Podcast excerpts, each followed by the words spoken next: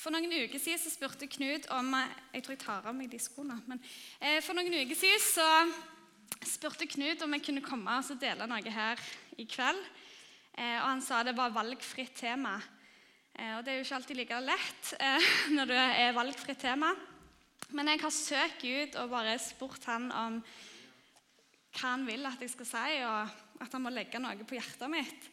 Eh, og Sist gang så snakket Knut om nådegavene det at vi alle har fått gaver som vi skal få lov å bruke til oppbyggelse for menigheten og for mennesker som vi møter. Eh, og Han delte også et bibelvers som kanskje kommer opp nå, eh, fra 1. Korinterne 14,1. Og Der står det at Jag etter kjærligheten, søk med iver å få de åndelige gaver, særlig det å tale profetisk. Og Han snakket jo om de åndelige gaver, men når, jeg, når, han leste det bibelverset, så stoppet jeg opp med det første som sto der. Søk Nei, jag etter kjærligheten. Jag etter kjærligheten det er ganske sterkt. Det er liksom ikke leid eller søk etter kjærligheten. Det er jag etter kjærligheten. Og Det gjør at vi forstår at det er noe viktig. Dette her er viktig. Og Tidligere i Korinterbrevet så står det òg om at du kan ha så mange nådegaver du bare vil. Du kan ha tro til å flytte fjell, men hvis du ikke har kjærlighet, så har du ingenting. Vi kan òg lese i Bibelen om en person som spurte Jesus direkte om hva som var det viktigste, det viktigste budet. Eh, og Der står det i Matteus 22, 37-39 så står det at han sa til ham du skal elske Herren din Gud av hele ditt hjerte, av hele din sjel og all din forstand. Dette er det største og første budet, men et annet er like stort. Du skal elske din neste som deg sjøl. Så altså det viktigste som jeg og deg gjør, det er å elske Gud og elske mennesker. Så selvfølgelig så skal vi jakte etter nådegavene. Vi skal ha lyst til å bruke nådegavene. Men hvis meg og deg ikke har kjærlighet til de menneskene som vi møter, så er det lite vits. For vi er først og fremst, kalt til å elske Gud og elske mennesker. Elske de neste, tenker du gjerne. Det høres jo fint ut. Det hører vi jo ofte, og mange som er ikke kristne òg, bruker det sånn 'elsk de neste'. Det høres veldig fint ut. Men skal jeg være helt ærlig med dere, så lygger det litt hos meg når jeg leser det. Det utfordrer meg veldig mye.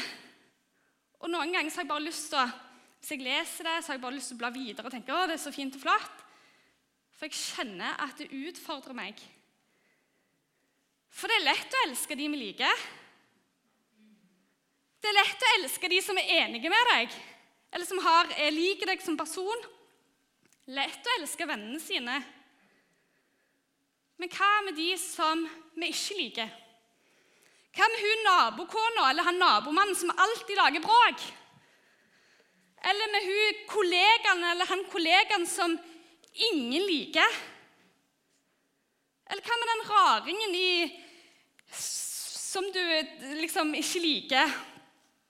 Eller noen som du opplever velger helt feil? Er det lett å elske dem? Og I Bibelen så står det ikke at vi skal elske noen mennesker. Det står ikke at vi skal elske bare de som liker oss. Det står at vi skal elske alle mennesker. Og det, folkens Det tror jeg alle her kan være enige i at det er utfordrende.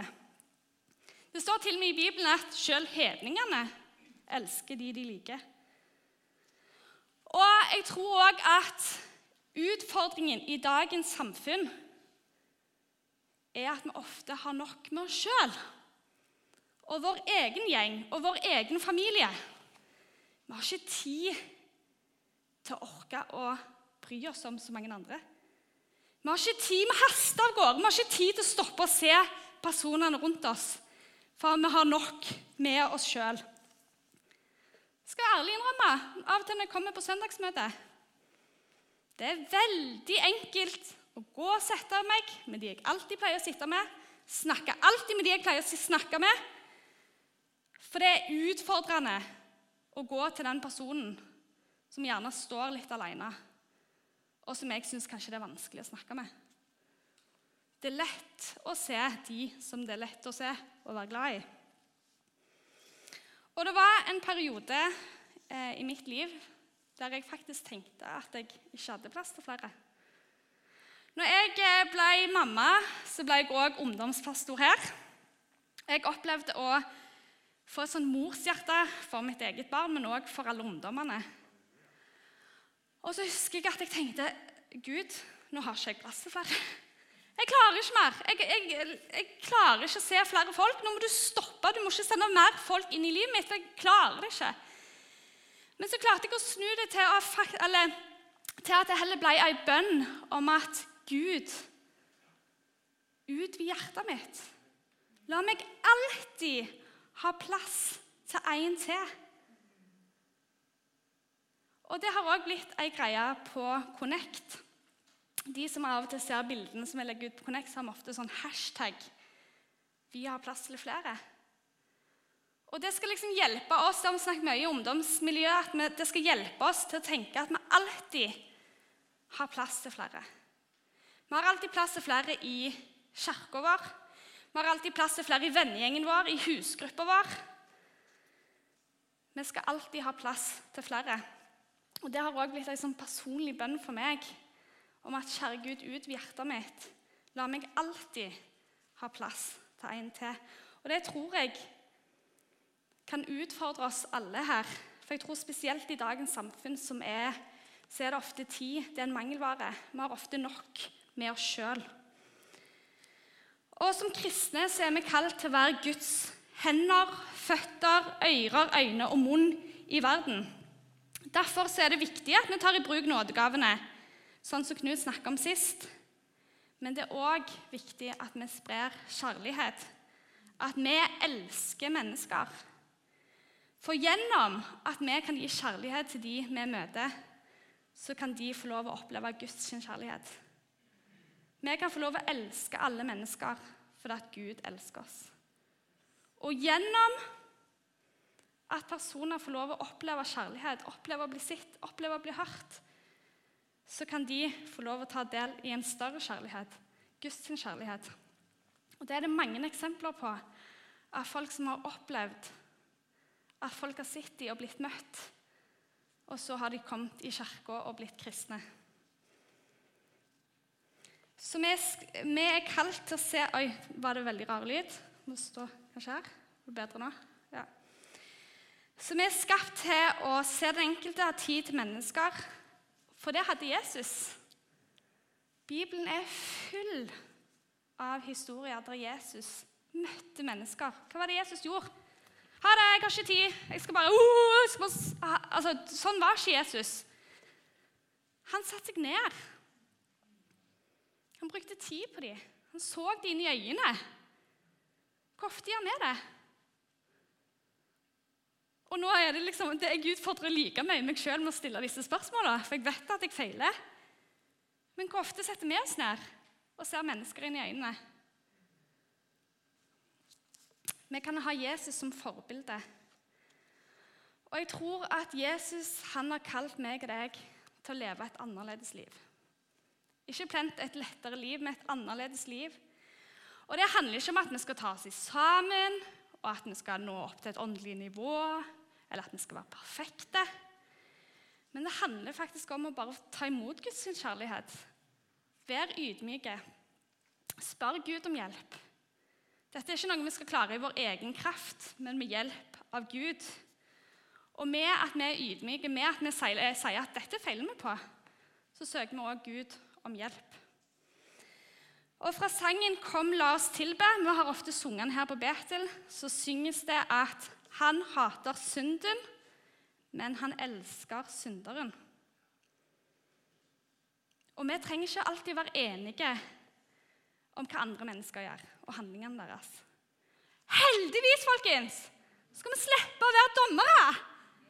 Vi skal slippe å gå med pekefingeren. Vi skal slippe å dømme nabokona eller nabomannen eller uansett. Vi skal slippe det. Det er ikke vår business. Vi trenger ikke være enige med personene, men vi kan få lov å elske dem for det. Skal dere høre en annen syk ting? Det er at vi alle er like verdifulle. Alle mennesker er like verdifulle. Og Jesus han døde på korset for alle. Så sorry hvis du tenkte at du var mer verdifull enn de andre her i verden. Nei. Vi er like høyt elska alle sammen. Til og med du og den personen som du tenker automatisk kommer opp i hodet ditt når du tenker den personen misliker jeg. Jesus elsker den personen. Han døde på korset for den personen. Vi er alle hans barn. Og tenk hvor fint, da! At Gud skapte alle forskjellige. Og da kan vi òg få lov å elske det som Gud har skapt. Elske naturen, elske verden, elske mennesker. Eh, skal vi se Og Det som var litt spesielt med dette, var at på mandag når jeg kom hjem, eller jeg hadde stått meg i bilen, så bare kjente jeg at Gud rørte meg. At dette her skal du snakke om. Og jeg har bare kjent at dette er virkelig et budskap ifra han. Eh, tror iallfall jeg på. Eh, og noen dager seinere så fikk sikkert alle med seg dette. George Floyd i USA. Da En som ble drept av en politimann. Og det har vært mye snakk om rasistiske holdninger eh, etter den episoden. Eh, og det har òg kommet fram historier om folk som opplever at folk har rasistiske holdninger. Og da kan jeg kjenne Når jeg kan lese, så gjør det meg vondt. Det gjør meg vondt at folk har sånne holdninger. Men skal jeg si dere en annen ting? Det er at det utfordrer meg. Hva holdninger har jeg?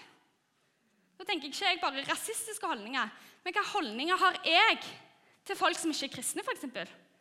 Hva holdninger har jeg til folk som ser litt sære ut?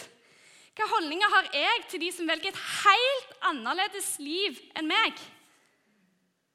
Istedenfor å gå med pekefingeren, vet du hva? pek innover meg sjøl og tenke hvordan er mine holdninger? Hvordan er mine holdninger til folk rundt meg? Og da må jeg bare legge meg flat, søke Gud og be Han om å hjelpe meg til å få bedre holdninger. For jeg er ikke perfekt. Og det er lett å peke på alle andre at 'Å, så feil holdninger de har'. Men hva holdninger har vi? Hvordan er dine holdninger til mennesker som velger annerledes? Så da tenker jeg at det Gud, budskapet Gud minner meg på, ikke var så tilfeldig. Kanskje er det viktig å snakke om sånne ting. Kanskje er det viktig å ta fram og holde opp og fram at vi skal elske vår neste. Og minne hverandre på at det viktigste meg og deg gjør, det er å elske Gud og elske mennesker. Og i Connect så har vi eh, ja, sånn, Vi sier 'connect med Gud, connect med mennesker'. Og det hjelper oss til å bli minnet på at vi skal søke Gud, men vi òg skal se mennesker. For det er lett å ha det komfortabelt med den gjengen som vi har. Så kanskje kjente du òg at det lygga litt hos deg. Kanskje det utfordrer deg òg. Elsk din neste som deg sjøl. Kanskje vi alle må bli mer ydmyke. Se inn i oss sjøl, hva holdningene vi har. Og bare være supertakknemlig for tilgivelsen. Takk og lov. For vi er ingen perfekte. Men vi kan få lov å be om tilgivelse. Og vi skal òg slippe å gjøre dette livet alene. Det er jeg så takknemlig for. Men med hjelp av Gud så skal vi gjøre dette. Det handler ikke om at du skal være flink eller god. Det handler om at Gud, la Gud påvirke deg. Så vil mennesker oppleve det. Be Gud om at han skal hjelpe deg til å se mennesker.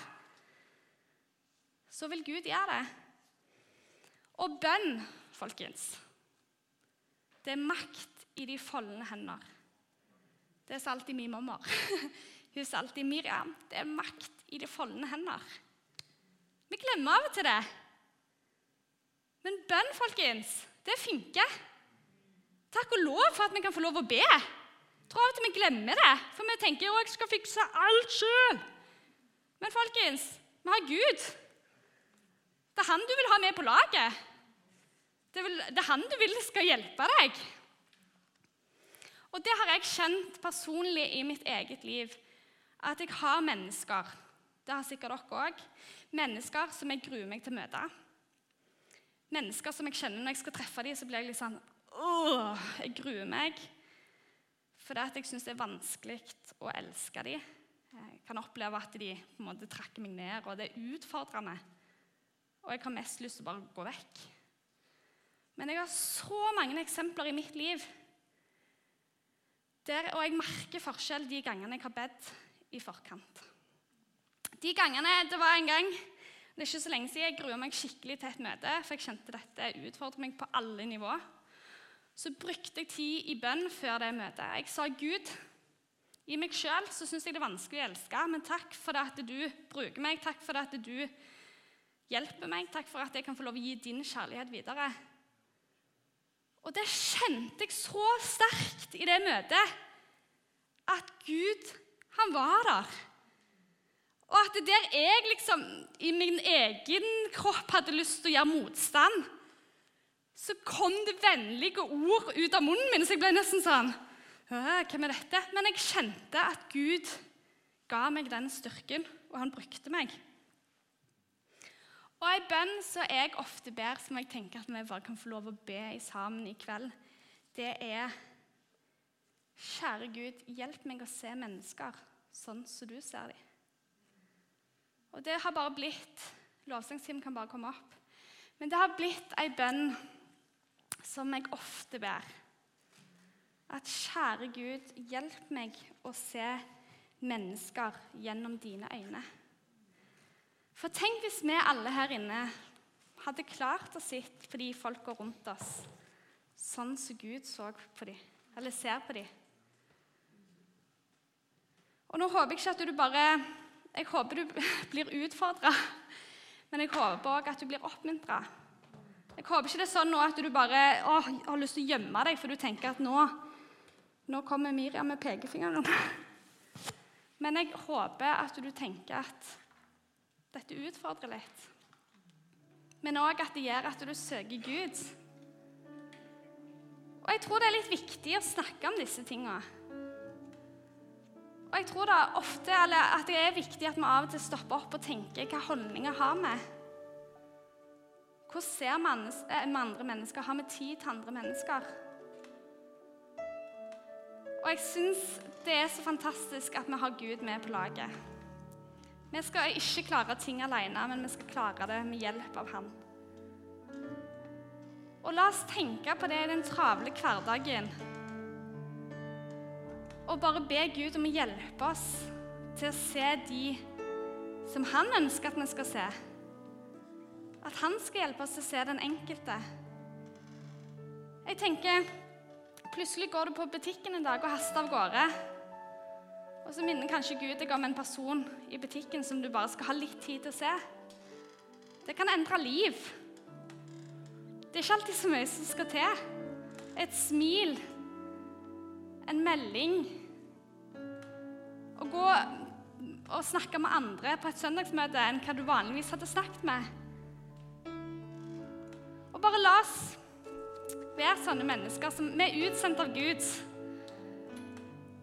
Vi er hans hender, føtter, ører og alt. Hans hender. Så la oss bare be sammen om at kjære Gud, takk for at du er her.